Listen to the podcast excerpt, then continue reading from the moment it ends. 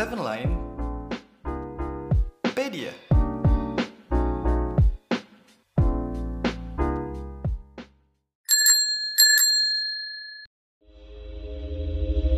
Halo insan muda, kembali lagi di podcast spesial persembahan Seven Radio di mana lagi kalau bukan di Sepeda Seven Line on Pedia. Pastinya di sini bersama para muda Rafli dan para muda Jazz yang akan melanjutkan episode kali ini. Nah, pada episode kali itu kita mau bahas apa nih, Jess? Hmm, kayaknya episode yang sekarang ini tuh agak creepy-creepy gimana gitu, Fli. Waduh, kenapa tuh creepy? Apakah karena kita mau mendekati LPJ? Waduh, Oh, bukan ya? bukan sih, Fli. Oke, bukan. Jadi creepy-nya itu karena episode kali ini tuh kita bakal bahas sesuatu yang horor-horor menyeramkan. Hmm, horor. Horor kayak kisah cintaku bukan, Jess? Pastinya sih. Oh iya, pasti ya itu ya. Aduh, para muda yang satu ini emang suka bercanda terus ya insan muda. Tapi pastinya bukan sih. Karena horor yang bakal kita bahas habis ini tuh bakal bikin bulu kudu kamu merinding nih insan muda. Jadi nanti kita bakal bahas tentang cerita pengalaman horor mulai dari horor di kampus, pengalaman horor para muda Rafli dan Jazz dan pastinya ada juga nih pengalaman horor dari insan muda.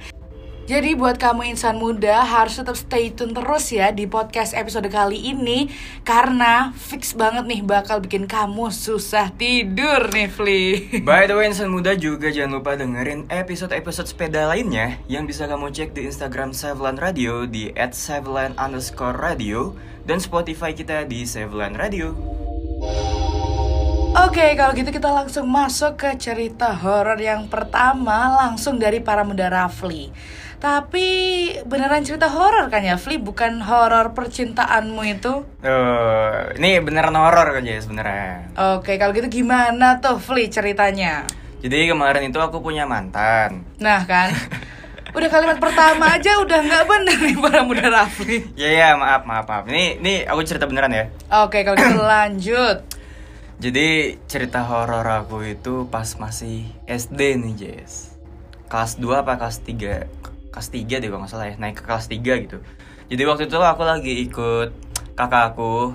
Dia tuh tahu nggak sih kalau misalnya SMP SMP atau kayak mendekati UN itu Kan ada nih yang kayak ke villa kayak apa sih namanya kayak ISQ gitu tuh nggak sih? Kayak yang spiritual spiritual gitu loh biar menghadapi UN gitu. Mm-mm, ingat. Nah, sekolahnya mereka itu tuh datang ke villa ada di puncak waktu itu.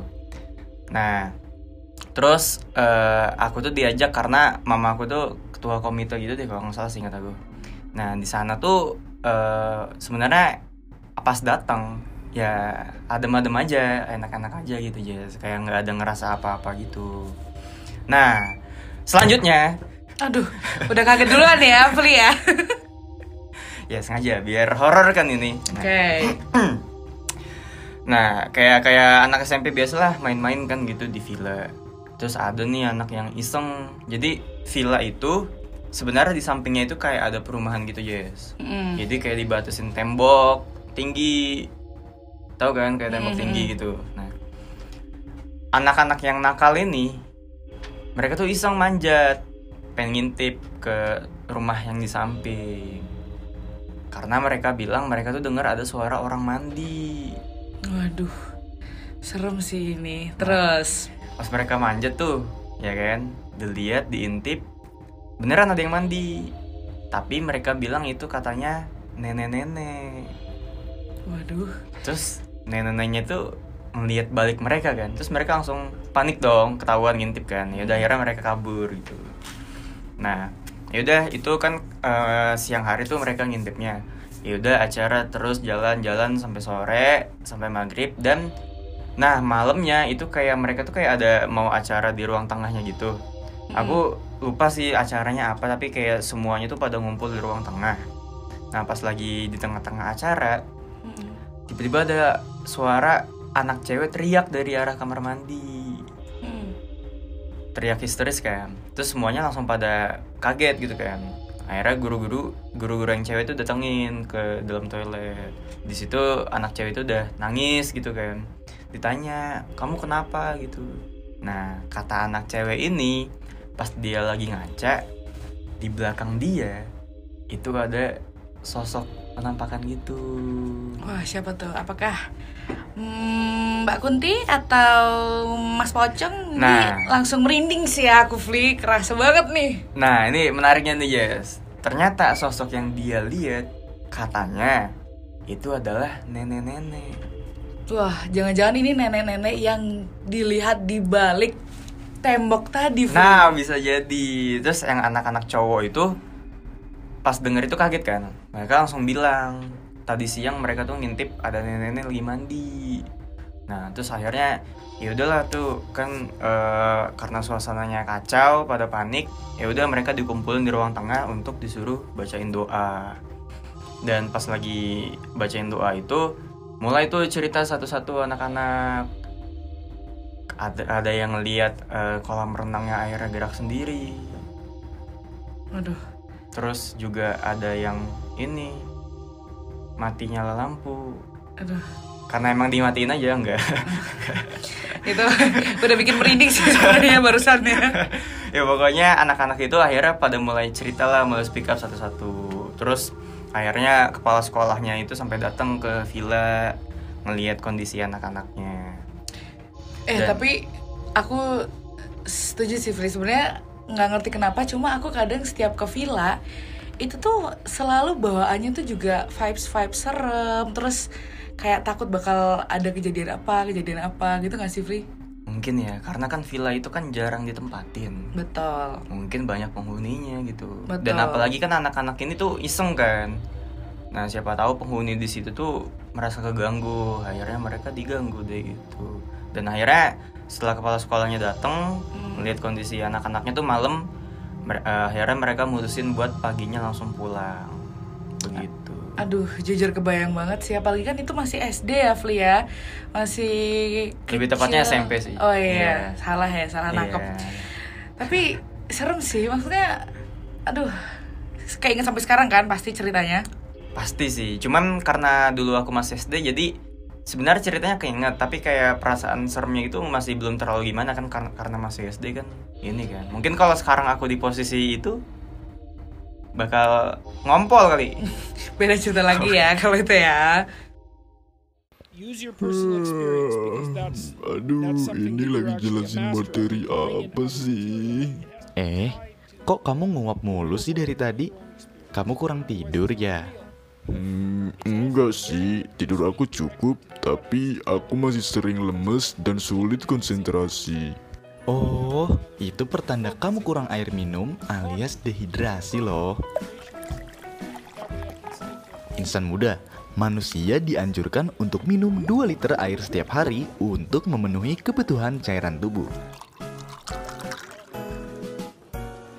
Jadi, pastiin ya kebutuhan air insan muda terpenuhi setiap harinya. Karena kalau enggak, bakal bahaya banget loh buat tubuh kamu. Nah, sudahkah kamu minum hari ini?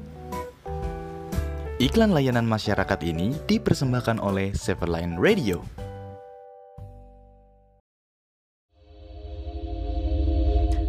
Nah, tadi kan aku udah cerita nih para muda jazz terkait pengalaman horor aku.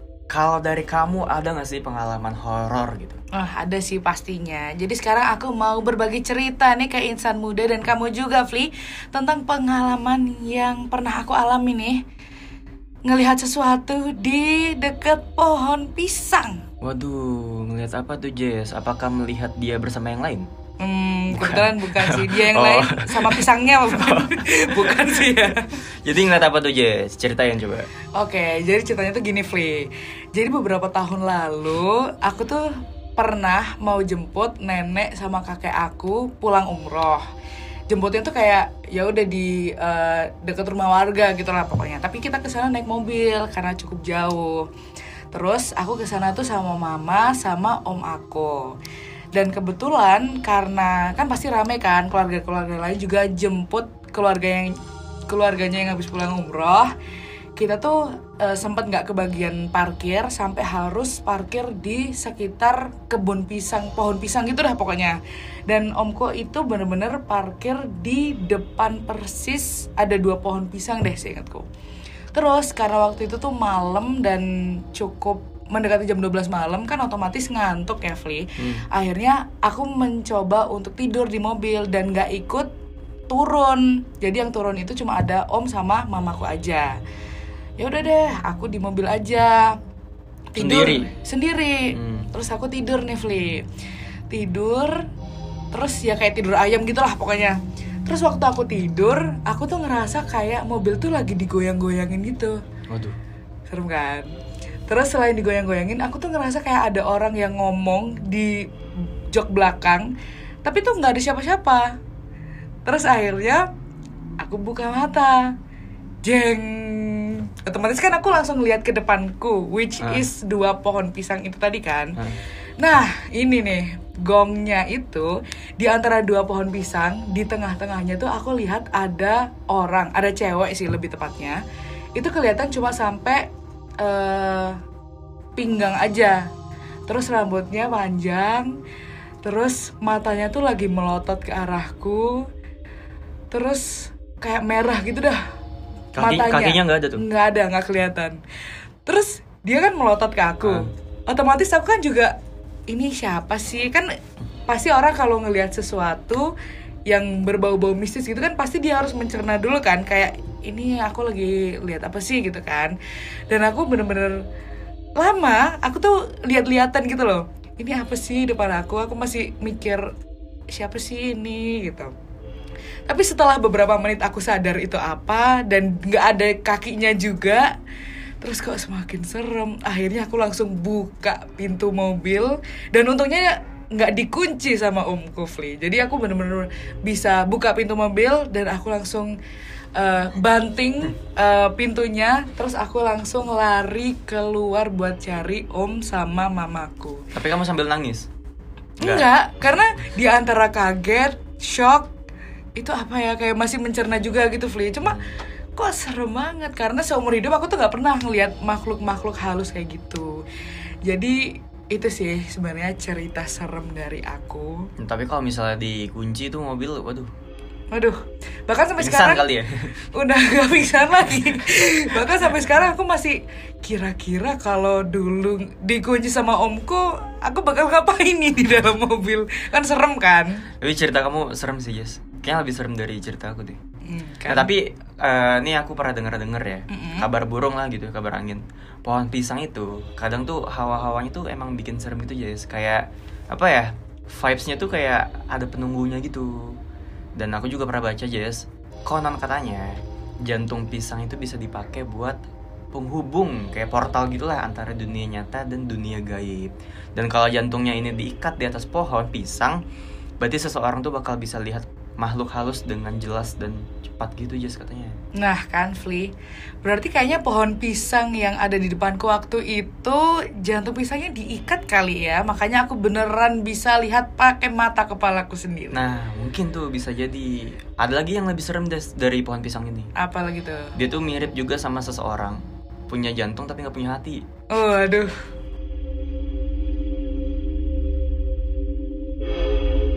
Nah selanjutnya Jess di episode kali itu ada sesuatu yang spesial nih. Apa tuh Fli? Apakah karena pakai telur? Waduh, nih jokesnya 4 per 10 ya. Lanjut deh Fli, spesial kenapa tuh? Spesial karena cerita horor kali ini tuh dari insan muda nih. Wih, lanjut Fli, dari insan muda siapa tuh? Jadi cerita horor kali ini tuh berasal dari insan muda at so underscore meatball. Agak unik ya, namanya jadi pengen makan bakso nih abis ini Jadi ini langsung ke cerita dia ya. Mm-mm. Ini aku bacain. Jadi dia cerita waktu dia kelas 2 SMA itu dia salah satu panitia dari kegiatan lingkungan gitu. Nah, acaranya ini ada di Purwakarta di hutan yang tidak usah disebutkan lah ya nama tempatnya gitu. Jadi pas hari ketiga, dia tuh sama temen-temen panitianya lagi pada nelusurin hutan buat ngebuka jalan untuk acaranya nanti gitu. Ngebuka jalan buat acara nantinya gitu ya Fli ya? Iya. Jadi dia itu bersepuluh sama temen-temennya dan ditemenin sama tentara juga katanya. Jadi mereka itu motong-motong dahan buat nandain jalan. Nah pas lagi asik jalan, tiba-tiba tentaranya itu berhenti. Hah? Kenapa tuh Fli? tentaranya itu bilang kalau katanya mereka udah ngelewatin jalan yang sama berulang-ulang kali. Ih, berarti mereka tersesat gitu apa gimana tuh? Nah iya kayaknya tersesat sih gitu. Nah pas tentaranya bilang tiba-tiba itu ada suara nyanyi nyanyi Jawa katanya gitu. Ya nggak tahu arahnya dari mana. Ih, seru banget, seru banget. Terus, Nah, terus, serem terus. kan? Terus akhirnya tentaranya itu mutusin buat ngitung jumlah orang. Jadi kan tadi kan mereka bersepuluh nih, Mm-mm. sama tentaranya itu ada dua orang katanya. Pas dihitung ulang, tentaranya itu bilang kalau total orangnya tuh lebih. Eh. Jadi lebih dari 12 orang. Kok bisa gitu? Nah, nggak tahu tuh. Akhirnya tentaranya itu ngedatengin pohon yang gede, yang tadi dahannya itu mereka potong buat nandain jalan. Saat itu juga eh, tentaranya itu nyuruh eh, mereka bersepuluh tuh untuk baca Al-Fatihah sebagai permintaan maaf. Dan setelah itu akhirnya mereka bisa pulang tuh balik ke campnya. Kebesokannya, pas acara jelajah benerannya itu, mereka kan ngelewatin pohon itu lagi. Tapi anehnya, dahan yang mereka potong buat yang udah di- mereka potong buat nandain jalan itu tiba-tiba balik lagi, Jess. Jadi pohonnya balik jadi utuh gitu lagi. Nah, iya. Aneh kan? Serem kan? Ih, serem banget. Nah, terus akhir cerita ya. Pohon gede yang udah utuh lagi itu katanya eh, mereka ngelihat ada sosok gitu di atas pohon lagi ngeliatin mereka ke bawah gitu. Ih, serem juga sih ini ceritanya. Maksudnya dari pohon yang tiba-tiba bisa balik jadi utuh lagi. Kan aneh juga sih sebenarnya. Ya, begitulah. Terima kasih ya untuk insan muda Edso underscore meatball yang udah mau berbagi pengalaman horornya di sepeda.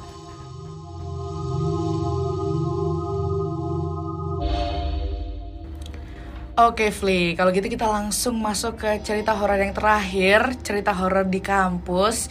Jadi mungkin abis ini bisa jadi salah satu bentuk aware nih buat insan muda, terkhususnya yang kuliah di FISIP UB biar bisa lebih jaga diri di kampus. Eh, kenapa tuh Jess? Jangan-jangan cerita horor selanjutnya ini kamu bahas show show ke kampus ya?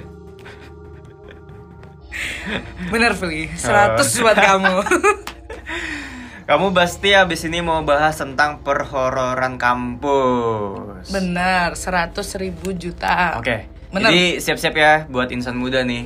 Ini sebenarnya kita nggak mau nakut-nakutin ya sebenarnya. Cuman kita mau kasih tahu kalau emang teman-teman kita yang kasat mata ini tuh ada di mana-mana. Baik sih ya, mereka mau nemenin kita ke mana-mana sampai ke kampus juga ya, Fli ya. Oke deh, kalau gitu langsung aja kali ya. Aku mau spill beberapa cerita karena aku tuh udah denger berbagai macam cerita tentang kejadian horor di FISIP ini sendiri. Pertama nih, tentang lift yang ada di gedung A dan B. Katanya, kalau semisal liftnya itu berhenti secara tiba-tiba di lantai 4 tanpa kita pencet, itu tuh katanya ada anak kecil penghuni visip yang suka mainin mencet-mencet gitu Fli di situ. Dan ini juga sudah terbukti karena beberapa orang pernah sesekali melihat anak kecil itu, tapi susah gitu deh buat dideskripsiin bentuknya. Hmm, serem juga sih Jess. Tapi aku pernah deh ngalamin lift gedung B yang tiba-tiba berhenti di lantai 4 tanpa dipencet. Apakah itu berarti aku satu lift sama anak kecil itu? Bisa jadi. Oh bisa jadi. Serem kan? Iya, serem sih. Oke, aku aku setelah tahu cerita ini tuh langsung merinding gitu deh. Tiap naik lift di gedung B, aku pasti cari temen gitu lah, biar nggak takut-takut amat. Oke, lanjut cerita kedua. Oke, lanjut ke cerita yang berikutnya, cerita kedua nih, Fli.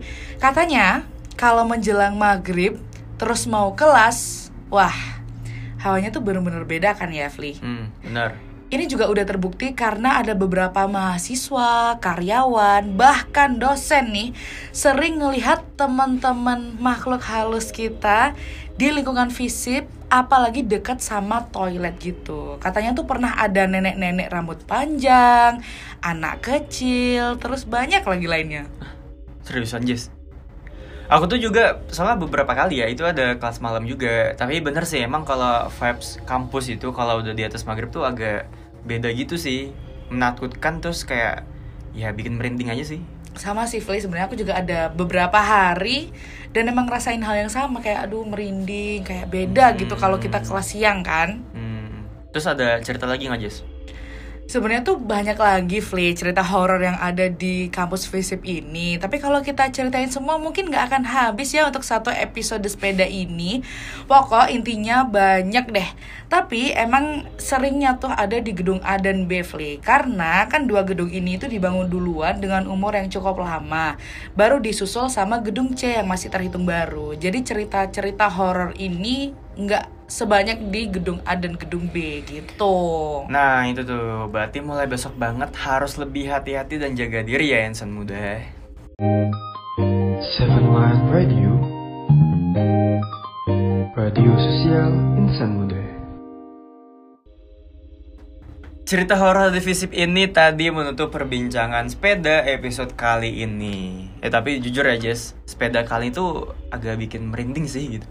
Iya sih, aku juga setuju banget Fli kayak uh gitu kan. Mungkin insan muda juga ngerasain hal yang sama ya.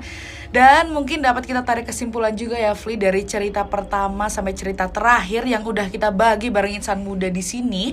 Kalau sebenarnya kita hidup di dunia ini ya nggak sendiri-sendiri banget sih karena ditemenin juga sama banyak teman yang bahkan nggak bisa kita lihat secara langsung. Dan mungkin di sini kehadiran mereka di sini itu baik. Asalkan kita gak ganggu mereka aja. Gitu aja deh pokoknya prinsipnya Nggak lupa juga buat insan muda ya, mau ke mana pun sama siapa pun minumnya teh botol sosro, enggak. eh bukan Bukan.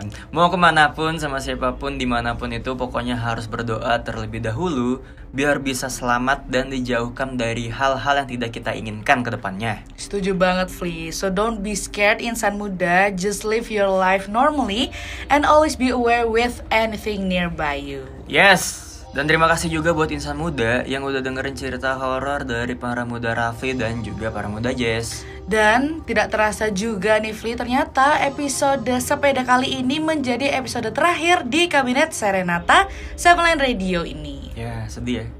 Ya sedih sih, ditutup dengan horor ya sedihnya. So once again thank you buat insan muda yang udah dengerin terus sepeda selama satu tahun kepengurusan ini. Eits, tapi jangan sedih dulu dong insan muda, karena apa Fli? Karena insan muda bisa tetap stay tune terus ya buat update sepeda dan hal lainnya tentang Sevelan Radio biar nggak ketinggalan informasi menarik. Oke, so now it's time to say goodbye dan sampai berjumpa lagi di sepeda kabinet selanjutnya. Aku para muda Jess, Dan aku para muda Rafli, thank you insan muda. Seven Line Radio. Radio sosial insan muda. BTW di samping kamu ada siapa Jess? Eh,